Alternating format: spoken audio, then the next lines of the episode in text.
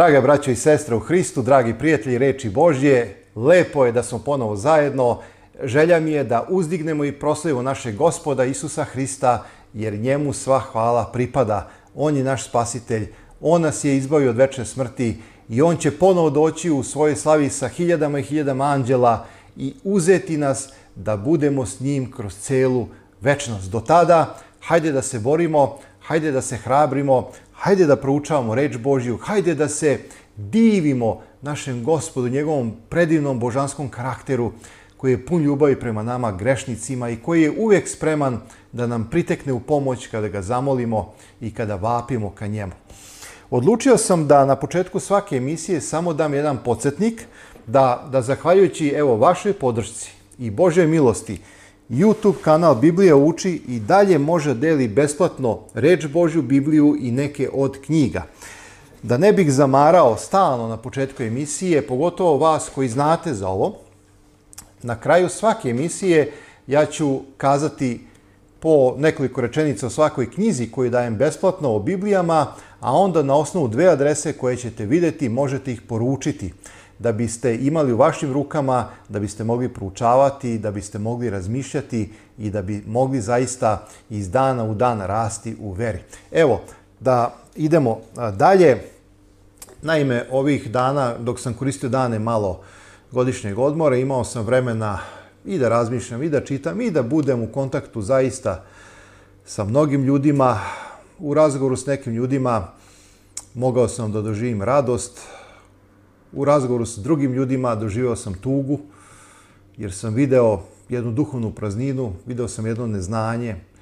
I zaista ne možete, a da vas srce ne zaboli, kada s jedne strane vidite da čovjek ne zna, a sa druge strane ima neku oholost i neće to da prizna i drži se nekih svojih pogrešnih stavova i vidite da ide u pogrešnom pravcu, da je opterećen nekom formom, da je opterećen nekom tradicijom, beživotnom, u kojoj nema ništa osim nekog napisanog slova, nekog pravila. A ja pokušavam celo vreme da kažem da je odnos, da je hrišćanstvo religija odnosa, živi odnos, tesan odnos, odnos ljubavi između čoveka i Boga. I da je Bog biće puno osjećanja, emocija, ljubavi prema grešnom čoveku kome želi priteći u pomoć. I nema ništa lepše kada izađeš onako skrhan, slomljen, pred noge svoga spasitelja i kažeš budi milostiv, gospode, meni grešnome. I onda mu otkriješ tajne svoga srca i onda mu kažeš koje su to slabosti. Imenuješ greh, znači nazoveš greh pravim imenom, ne stidiš se pred Bogom. Na kraju krajeva Bog zna i misli i pomisli, ali on želi da to čuje iz tvojih usana, iz mojih usana I onda se pomoliš i prizoveš Isusa Hrista, njegovu prisutnost, da duhom svojim isceli tvoje slomljeno srce, misli i da ti da novi život. To je jedan razgovor, razgovor koji je spasanosan, mi ga zovemo molitva i to je ono što trebamo često praktikovati. A sada, dragi moji, dok sam evo i koristio zaista dosta vremena za čitanje, razmišljanje, pripremio sam jedno proučavanje koje želim da podelim sa vama vezano je za neverovatnu, zadivljajuću Božju blagodat koja ima toliku silu da od mrtvog pravi život i da od svega onoga što je loše napravi dobro. Blagodat nije samo reč, to je sila koja je data u velikoj meri svakom čoveku koji želi da živi hristoliko, koji želi da bude hristolik koji želi da ide hristolik Hristovim putem. Hajde da vidimo koji su svakodnevni primjeri življenja blagodati. Naime, podelit ću na samom početku jedan citat koji me i motivisao da razmišljam o ovome. U delu koje se zove Hrišćanstvo, koje je napisao C.S. Lewis, čitam. Pravi sin Božji je na tvojoj strani. On počinje da te menja u ono što on jeste. Znači, Isus želi da budemo slični njemu on počinje da tako kažem da ubacuje svoj život i misli u tebe. Da počneš da razmišljaš kao Hristos. Počinje da te menja od olovnog vojnika u živog čoveka. I ovaj termin olovni e, bit će prisutan kroz dalje moje izlaganje. Onaj deo tebe kome se to ne dopada jeste onaj deo koji je još uvek olovni, koji treba da se menja u živog čoveka. Hajde da idemo redom. Znači, naime, shvatam da postoji nekoliko um, polja, da se tako izrazim, u našem karakteru, u našem životu, na kojima treba naporno raditi. Oni su protiv nas, mi živimo u grešnom svetu, mi još uvijek, još uvijek imamo grešnu palu prirodu koja nas mami i vuče na slasti grehovne, jedino Božja blagodat, sila Božja e, može to da, da promeni. Naime, to su nesigurnost, slabost, razdražljivost, kompromis i ponos. Hajde da ukratko prođemo kroz ove e, termine i da vidimo na koji način blagodat Božja može da izdejstvoje pobedu u našem e, životu. Pod jedan, traženje blagodati da bi bio ono što jesam. To je olovno područje nesigurnosti. Znači, Bog želi da nas oslobodi nesigurnosti. Zapazite a, e, tekst iz 1. Korinćanima, 15. poglavlje od 6 do 11. Zatim se pokazao braći kojih je bilo više od 500 odjednom, Većina ih je još živa, a neki su i umrli. Zatim se pokazao Jovanu, izvinjam se Jakovu, pa svim apostolima, a posle svih pokazao se i meni kao nedonoščetu. Ja sam naime najmanji od apostola nedostojan da se zovem apostol zato što sam progonio Božju crkvu, ali Božjom blagodaću. Zapazite ovo, Božjom blagodaću sam ono što jesam i njegova blagodat prema meni nije uzaludna. Znači, nešto se promenilo u životu apostola Pavla, a svi znamo da jeste. Naprotiv, ja sam se trudio više od svih njih, ali ne ja, nego Božja blagodat sa mnom. Bio to dakle ja ili oni, to propovedamo i u to ste poverovali. Znači vidite kako apostol Pavle uzdiže tu blagodat Božju koja je izvršila jedan hiruški zahvat u njegovom karakteru i koja je promenila njegovo biće u korenu. To može samo blagodat Božja. Još jednom spominjem, znači, blagodat nije samo reč. Blagodat je ono što se izlilo na krstu Golgote kad je Isus Hristos dao svoj život umesto nas. Kada je Otac Nebeski svoj gnev zbog greha izlio na nevinog Sina Božjeg, a mi smo to trebali podneti kao platu za greh. On je uzeo naše grehe, on je uzeo našu kaznu, on je naša zamena. I zbog toga Otac je, izlivajući sav svoj gnev na Sina Božjega, kome je puklo srce zbog tereta, zbog odvajanja i tako dalje, e, na njega izlio gnev, a na nas je izlio blagodat Božju, Žalosno je što mnogi ljudi i dalje biraju greh, biraju neprijateljstvo prema Bogu, umjesto da se okrenu i da vape, da prime blagodat Božju koja mijenja, koja osvaja, koja daje život, koja transformiše, koja unosi novi udah svežine večnosti. To je ono što je potrebno svakome. Čudim se, dragi moji, da i dalje, pored toliko informacija, da i dalje, pored toliko lepih, da kažem, propovedi, poziva, ljudi i dalje okreću leđa i smatraju da će biti srećni u ovom grešnom svetu koji smrdi, koji se raspada i koji propada. Ovaj svet prolazi, kaže reč Božja. On je osuđen na propast i krst Golgote je dokaz da ovaj svet ima svoj kraj, jer prvo mora proći. E sada, Hajde da idemo redom. Znači, čuli ste ovaj tekst iz 1. Korinćevan 15, od 6 do 11. Kaže, ja, ja sam samo jedno nedonošce, jedan podbačaj a, u odnosu na druge apostole. Zašto? Zato što je apostol Pavle bio svestan da je on rušio, progonio, a, ubijao, a, hvatao hrišćane, vezivao ih i vodio u zatočeništvo. Dok su drugi apostoli gradili, zidali uh, crkvu Božju. I zato on zbog tog velikog greha u kome je do tada živeo smatra da nije dostojan da se nazove apostolom, smatra da je među apostolima samo jedno nedonošce, nedonošče, uh, kako bi rekli, neko ko nije uh, uopšte vredan. Tokom godina, znači moje službe, u kojima sam susretao mnoge hrišćane, primetio sam e, da se mnogi od Božjih slugu plaše da budu ono što jesu. Plaše se da priznaju e, drugima e, ono što jesu. Smatraju da će tako uniziti sebe i da će na neki način učiniti da budu nepoštovani u društvu, u okolini. Međutim, to je jedna zamka, to je jedna prevara. To je u stvari jedno ropstvo. I samo blagodat može čovjeku dati snagu da prizna da bude ono što jeste u suštini. A upravo to se desilo u životu apostola Pavla. Pavle mogu da ćuti, mogu da kaže, ok, jesam, progonio sam, ok, dobro, desila se promjena i šta sad? Pogledajte moje dela.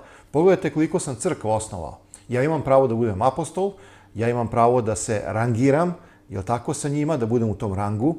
Ja imam pravo, vidite moje dela. Ne, nego apostol Pavle kaže ja sam tamo poslednji, ja sam neko nedonošće, ja sam, ja sam podbačaj. I to je upravo ono što ću kasnije spomenuti. Znači, ovi stihove koje sam citirao mogu da nam pomognu. Pavle iskreno piše svoju jadnu životnu priču. On se ne stidi svoje prošlosti. On je potvrđuje i kaže, jeste, ja sam bio progonitelj, ja nisam dostojan. Pošto je završio spisak velikih ljudi kojima se Vaskrsli gospod pokazao, Petar, Jakov, apostoli, on kaže posle svih on se pokaza meni. To nije lažna skromnost. Ovo je bila istorijska činjenica, ali iako jeste istorijska činjenica, apostol Pavle e, se ne sramoti time što je ponavlja iznosi. On se time ponosi, a to može samo blagodat, dragi moji, blagodat. Ono što nam dosta govori jeste to što Pavle za sebe kaže da je nedonošče.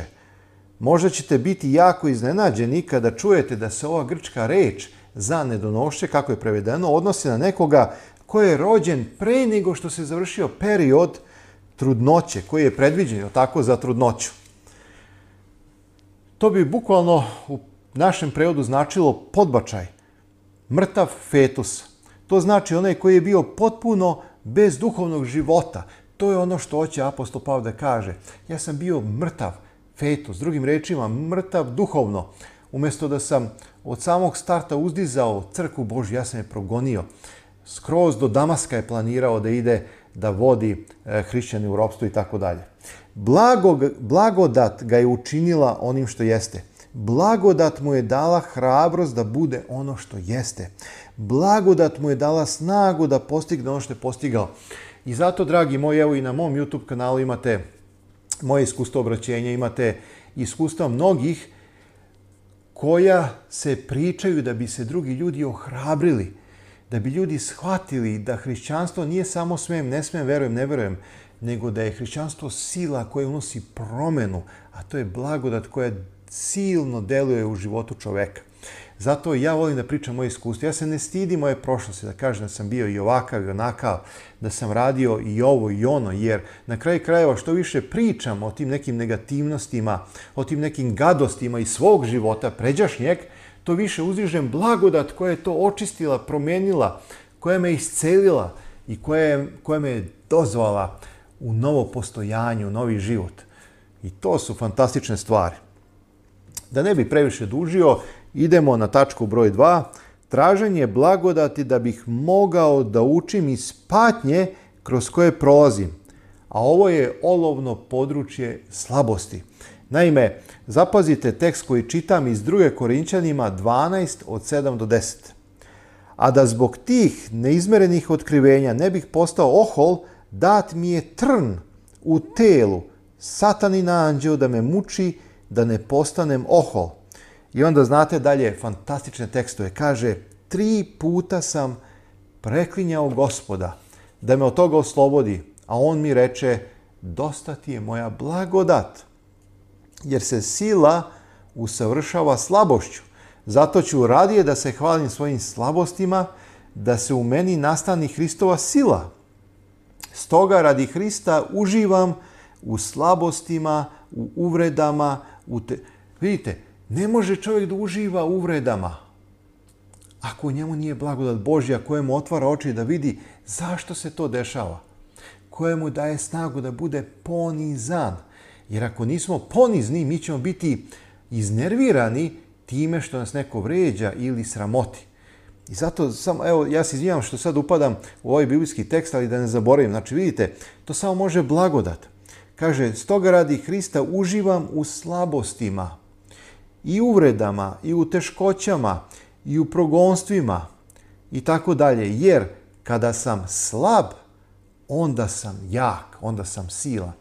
Neverovatna stvar. Međutim, da bi bio silan, moraš da priznaš da si slab. I moraš da priznaš da ti je potrebna Hristova blagodat koju ćeš prizvati u svoj život. I onda će se ta slabost okrenuti na slavu Božju. Jer kada sam slab, kaže apostol Pavle, tada sam silan, tada sam moćan. Žalosno je što su danas mnogi ljudi slabi u grehu. A kad ga pitaš kako je, ima li neki problema, kaže sve je u redu, sve je dobro, a on puca od slabosti, skrhan grehom, uništen u svojim nekim negativnostima i sam postaje negativan za okolinu, postaje toksičan, a neće da prizna da je toksičan neće da prizna da greši, neće da prizna da je slab, zato što misli da je to slabost. Ali to je pred Bogom vrlina, vrlina koja otvara riznice carstva Božjega koje će se useliti u čoveka kada kaže Bože, pogledaj mene niš, nejakog i slabog i ispuni me duhom svojim. Kada čovjek to prizna i izgovori ove reči, dešava se neverovatna promena. Čovek se menja, postaje silan u Hristu jer blagodat Božja sada može da uđe kroz otvorena vrata srca koje je priznalo slabost i da napravi nevratnu promenu. Blagodat ga je učinila sposobnim da se hvali svojim slabostima, a to ne možeš ako si ohol, ako si ponosit i ako jednostavno živiš u nekom egu, obožavanju svoga ja.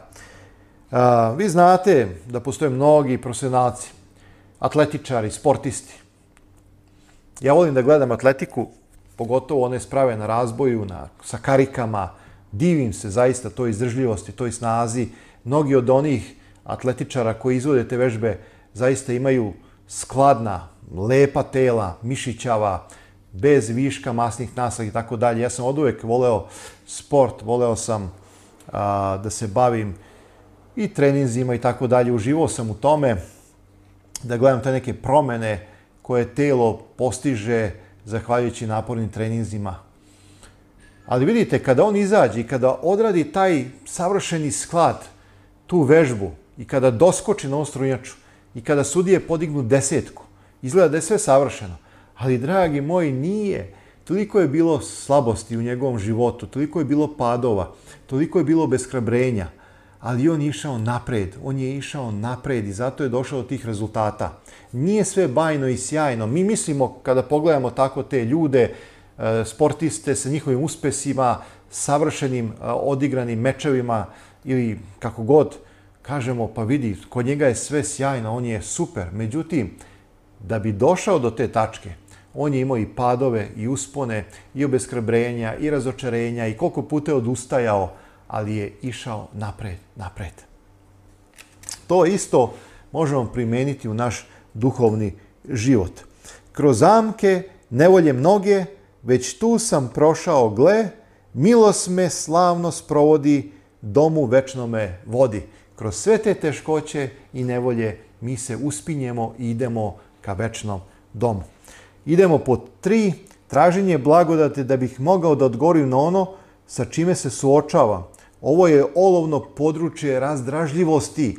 Ako si hrišćanin, i te kako ćeš paziti na ono što izgovaraš, na način kako prenosiš istinu. Često sam čuo ljude koji kažu, ma ja sam mu rekao istinu, pa on nek se puši. Istina nekad može biti britka sablja, nekada stvara razdražljivost, nekada čini ljude nervoznim. Zato je jako bitan način na koji mi pristupamo ljudima kada im iznosimo istinu. Znači, nije jednostavno, nije uvek jednostavno reći istinu. Mora postojati taktika. Zapazite Kološanima 4, 5 do 6 u skladu sa ovim olovnim područjem razdražljivosti. Mudro se ponašajte prema onima van crkve, što znači da mi treba da budemo u crkvi.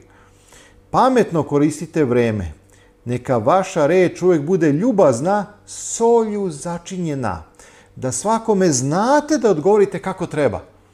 Znači, još jednom ponavljam, Duh Sveti će nam dati mudrost, jer svaki čovek ima neku svoju prošlost, ima svoj neki background, ima a, neki način koji je oblikovao njegov život. I jednom čoveku reći istinu na ovaj način i drugom čoveku na isti taj način ne pije vodu. Biće totalno pogrešno. Ali to može da nam da mudro samo Duh Sveti, jer Duh Sveti poznaje čoveka.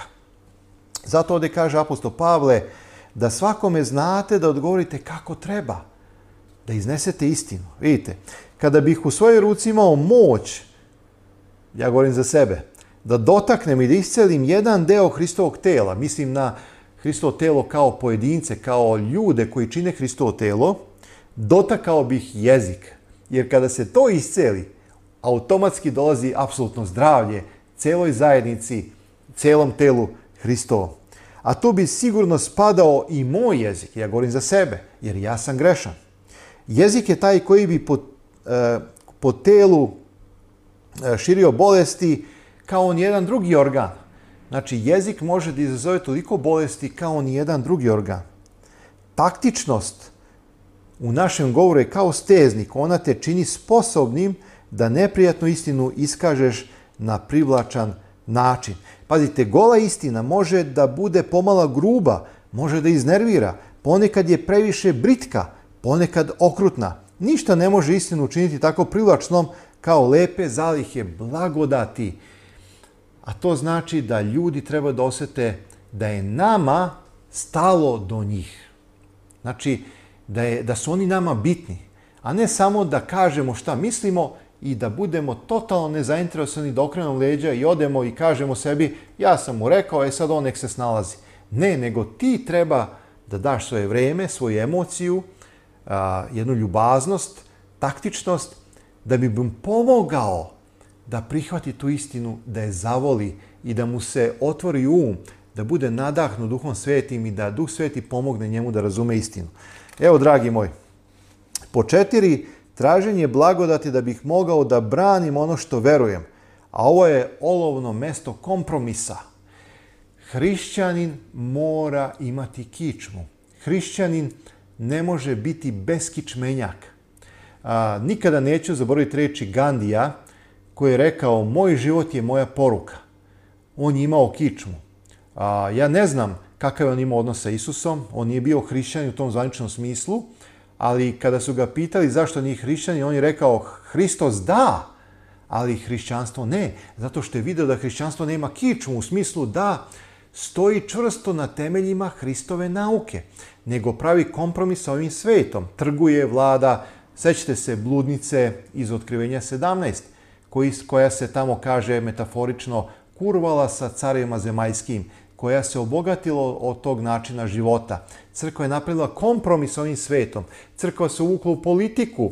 Crkva je pustila korene tamo gde ne bi trebalo. Crkva je trebalo da stoji sa strane i da osuđuje e, malevrezacije, e, neistine u politici, e, loše političko delovanje koje je protiv, često protiv čoveka. Korupcija, e, prevelik političke cene, pljačkanje naroda i tako dalje i tako dalje.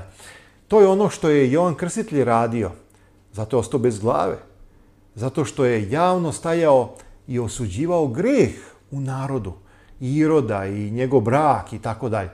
I zato je e, bio mio Bogu. Nije napravio kompromis. E, međutim, da bismo mi bili hrišćani, bez kompromisa, tu nam treba blagodat. Nemamo mi snage tolike ni hrabrosti sami u sebi. Mi ne možemo ništa činiti bez Božje sile i, i njegove moći. Sve mogu Isusu Hristu koji mi moć daje. Zato je apostol Pavle kao i drugi apostoli dali su svoj život za Hrista. Jer su bili ubeđeni da je to istina. Jer su voleli Hrista celim srcem.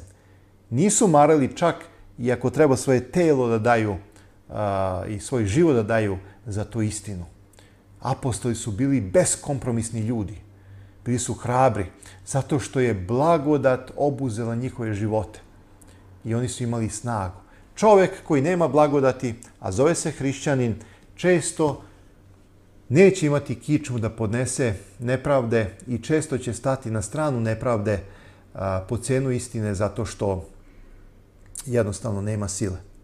I evo pod pet, traženje blagodati da bih mogao da se ponizim onda kada je to potrebno. Ovo je olovno mesto ponosa. Zapazite dva fantastična teksta, Jakov, četvrta glava od 6 do 7. Kaže, Bog se protivi oholima, a milostiv je prema poniznima. Podčinite se dakle Bogu a oduprite se đabolu i pobeći će od vas. Još jedan tekst iz 1. Petrove 5.5, znači 1. Petrova 5.5 kaže Tako i vi mladići počinjavajte se starešinama, a svi jedan prema drugome opašite se poniznošću, jer Bog se suprostavlja oholima, a poniznima daje blagodat. I ovi tekstovi su uzeti iz priča Solomonovih, Znači, oni imaju aluziju na starozavetni tekst iz priča Solmonovih 3 od 3.34, a ovaj stih kaže, jer podsmevačima on se podsmeva, a krotkima daje blagodat. I mogu slobodno reći da je oholost najveći neprijatelj svakom hrišćaninu. Sa oholim hrišćaninom a, Bog ne može da radi. Bog ne može da ga vodi. Bog ne može da ga nadahnjuje zato što oholo stoji kao kineski zid između njega i Boga. Jednostavno ne dozvoljava Božjem duhu koji je nenametljiv i koji poštuje slobodnu volju svakog čoveka. Zato oholost mora nestati. Jedina sila koja može da pobedi oholo srce je Božja blagodat koja transformiše, menja i koja čini da čovjek bude ponizan. Ponizite se pod silnu ruku Božju da vas uzvisi kada dođe vreme. Drugim rečima, ako sada ne dozvolimo da nas ta Božja ruka ponizi duhom svojim, nećemo biti ni uzdignuti ovaj, u onaj dan kada dođe Isus Hristos u slavi. Ostaćemo u prahu i pepelu koje će satrati oganj, kao što kaže prorok Malahija, ide dan koji gori kao peć i svi koji čine bezbožno biće strnjika i upalit će ih dan, veli gospod nad vojskama, i neće im ostaviti ni korena ni grane, a vama koji se bojite imena mojega, granuće sunce pravdi, skakaćete kao te od jasala, pamtite zakon Mojsije, sluge mojega, kojemu zapovedi na Horivu za svega Izraelja uredbi zakon i evo ja ću vam poslati Iliju proroka pre nego što dođe veliki strašni dan gospodnji i tako dalje, dobrati srce kocima i tako. To je knjiga proroka Malahije, četvrto poglavlje poslednje poglavlje u Starom Zavetu i onda tako kreće novi, novi Zavet. Jedno proročanstvo koje se ispunilo u delovanju Jona Krstitelja, koji je pozvao narod na pokajanje. I ako se sećate, javna služba Jona Krstitelja, javna služba Isusa Hrista, javna služba apostola počinje pokajte se i obratite se. Pokajte se a pokajanje podrazumeva bacanje oholosti u prašinu. Da bi Bog mogao da napravi jednu promenu u tvom i mom životu. Dragi moji, predivan je Bog, predivna istina, njegova blagodat nikada ne odustaje od grešnika, uvijek je tu, tiho kuca na vrata našeg srca, a kada otvorimo, kada donesemo odluku samo da otvorimo, sve prestaje ono što je bilo grešno i novo stvorenje se rađa. Kaže, gle, staro prođe, sve novo postade. I to je predivna istina. A sada, pošto je kraj emisije, samo da vas podsjetim, zahvaljujući vašoj podršci, Božoj blagodati, YouTube kanal deli besplatnu knjigu Put Hristu. Znači ovde su opisani koraci kako jedan grešnik može doći Isusu Hristu. Ponovo delim knjigu Savrni čovjek i Biblija, fantastična knjiga koja objašnjava kako u savremenom društvu sa savremenim načinom razmišljanja čovjek može da prihvati i da razume reč Božju, zatim globalna kontrola, knjiga koja se bazira na proročanstvima iz knjige proroka Danila i otkrivenja i govori o toj realnosti u kojoj mi živimo, gde vidimo to savremeno porobljavanje, a ono je još davno opisano u ovim drevnim knjigama biblijskim, velika borba koja objašnjava vekovni sukob između Hrista i Sotone i kako će on doći svome kraju. Veliki deo ovde je posvećen reformaciji, kako je Bog a, posle delovanja čoveka bez zakonja, koji još uvek deluje, ali koji je uneo razne promene, a, doktrinalne promene, kako je Bog kroz informaciju lečio tu hrišćansku misao i do ovih današnjih dana.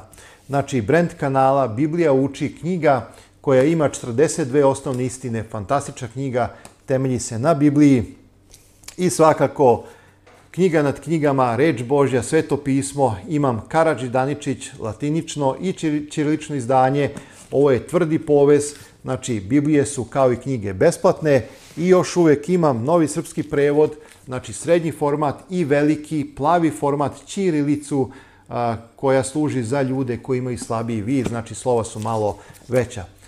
Sve je besplatno, naručite na osnovu ove dve adrese koje vidite upravo pred vama. Imate i formular, možete preko maila biblijskaetika.gmail.com i uskoro ćemo poslati. Ako ste nešto čekali malo duže, to je samo zato što nismo bili prisutni, nismo mogli slati, ali svi vi koji ste iz Srbije uskoro ćete dobiti. Za sada još uvek ne mogu da šaljemo u inostranstvo zbog određenih zabrana, a, treba da se naprave neki ugovori, čak traže i fiskalni račun da bude u tom paketu, ja nemam te fiskalne račune, tako da jednostavno paketi se vraćaju, da ne bih zamajavao i vas i sebe i opterećavao o raznim odgovorima na mnoga pitanja, zašto mi nije stigao paket i tako dalje. Za sada sve ovo ide ka Srbiji, a ako neko dođe iz inostranstva, budite slobodni, javite se, nađite me, napunit ćemo gepek, to se dešavalo, osoba, ne znam, i švajcarski, iz Nemački, iz Austrije kaže, ej, brate, ja sam u Beogradu, došao sam u posetu, da li mogu da iskoristim, dođem, da ponesem knjige Biblije? Dođi, brate, sestro, prijatelju, trpaj, nosi. Znači, i to može da, da se desi, samo se javite i bit će lepo da se malo poznamo, ispričamo i to će biti lepi trenuci. Svakom dobro, dobro želim. Idemo ujedinjeni napred. Vi znate onu priču, ako jedan štap pukne, ali kad se stave 10 pruteva, ne može se tek tako slomiti. Mi moramo biti jedinstveni, moramo motivisati jedni druge i tako ćemo nadvladati zlo i doći jednog dana u Carstvo Božje kao pobednici. Svakom dobro želim, vidimo se uskoro u nekoj od narednih emisija.